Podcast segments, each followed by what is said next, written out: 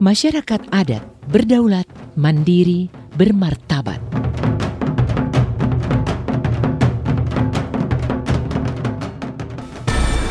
Di streamingan dari Jalan Tebet Timur dalam Raya nomor 11 A Jakarta Selatan Anda sedang mendengarkan Radio Gaung Aman Sobat Nusantara bersama saya Titi Pangestu.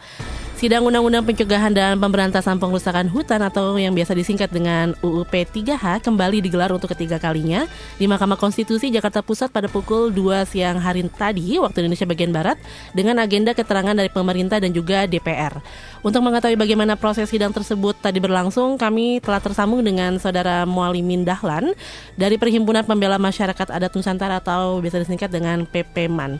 Selamat sore Bang Mualimin. Ya, selamat sore. Iya, Bang bisa diceritain gimana proses sidang ketiga uh, UUP 3H tadi berlangsung? Oh ya, jadi tadi sidang uh, sebenarnya dijadwalkan pukul 2, jadi karena uh, ada sidang yang belum selesai, jadi tadi dimulainya udah hampir pukul 3. Nah kemudian uh, agenda hari ini adalah mendengarkan keterangan Presiden dan DPR tapi yang hadir itu hanya dari perwakilan pemerintah, eh, DPR tidak ada. Nah dari pemerintah ini yang diberikan e, mandat, diberikan kuasa oleh Presiden itu dari dua kementerian. Pertama dari Kementerian Lingkungan Hidup dan Kehutanan, ini nomenklatur baru, yaitu soal e, penggabungan dua kementerian. Terus yang satu lagi dari Kementerian e, Hukum dan HAM, Kemenkumham. Nah, eh, kedua kementerian ini masing-masing menyampaikan eh, keterangan mereka secara bergantian yang mereka susun bersama sebenarnya.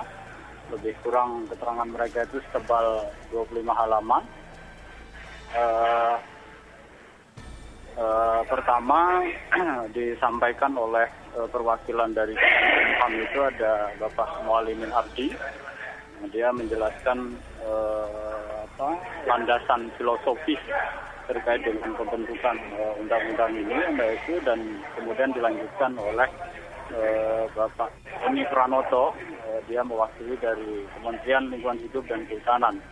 Nah, dia lebih menjelaskan soal uh, substansi dari pasal-pasal uh, yang kita mohonkan uh, untuk diuji konstitusionalitasnya. Nah itu secara ini Eh, persidangan tadi. Oke, okay. dan satu pertanyaan lagi Bang, uh, gimana kelanjutan dari uh, undang-undang P3H ini ke depannya? Kan ini sudah masuk sidang ketiga. Bagaimana uh, ya. optimisnya dari PPMan sendiri untuk melihat uh, pengujian undang-undang ini di Mahkamah Konstitusi?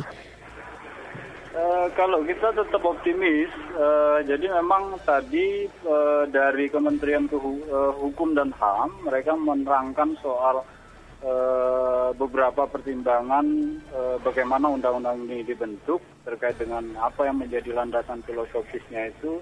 Yang kami tangkap itu ada tiga hal. Sebenarnya pertama bahwa uh, mereka menganggap memang wewenang untuk mengelola dan mengatur sektor kehutanan ini memang uh, diberikan kepada negara uh, sesuai dengan apa yang diatur dengan konsep hak menguasai negara dalam Undang-Undang Dasar 1945 itu yang pertama. Yang kedua bahwa e, mereka menganggap e, banyak terjadi kerusakan hutan yang itu bukan saja dilakukan di hutan produksi, tapi juga sudah memasuki wilayah-wilayah hutan lindung dan hutan konservasi. Nah itu dan yang ketiga bahwa mereka menganggap juga e, undang-undang P3H ini dititik beratkan itu untuk pelaku kejahatan kehutanan yang terorganisasi ya nah itu.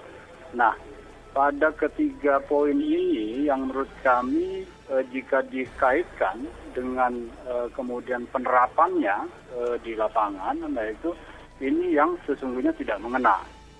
Jadi eh, sejak undang-undang ini dibentuk sampai dengan hari ini justru yang menjadi korban, yang menjadi eh, apa, yang dilakukan proses hukum itu adalah masyarakat masyarakat yang selama ini itu berada hidupnya itu berada di dalam dan sekitar kawasan hutan. Tapi tidak satupun korporasi yang mana yang itu e, mereka bilang e, bahwa undang-undang ini memang dititik beratkan kepada kejahatan yang terorganisasi. Ya, nah, jadi memang poin itu yang menjadi apa menjadi uh, uh,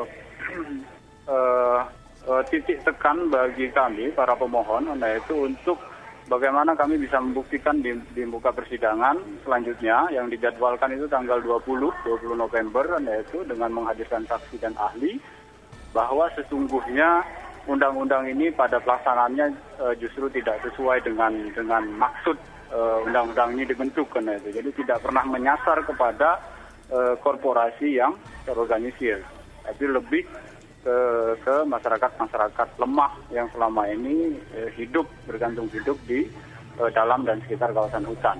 Jadi itu yang kami lihat. Oke, baik Bang. Berarti tanggal 20 November 2014 nanti akan kembali ada sidang yang keempat ya Bang yang digelar di Mahkamah Konstitusi Jakarta ya, Pusat. Ya. Oke, ya. baik. Terima kasih Bang atas informasinya dan selamat beraktivitas kembali. Ya, terima kasih sama-sama. Demikian Sobat Nusantara, Mualimin Dahlan yang menginformasikan kelanjutan Undang-Undang P3H langsung dari Gedung Mahkamah Konstitusi Jakarta Pusat. Terima kasih atas perhatian Anda. Salam masyarakat adat berdaulat, mandiri, bermartabat.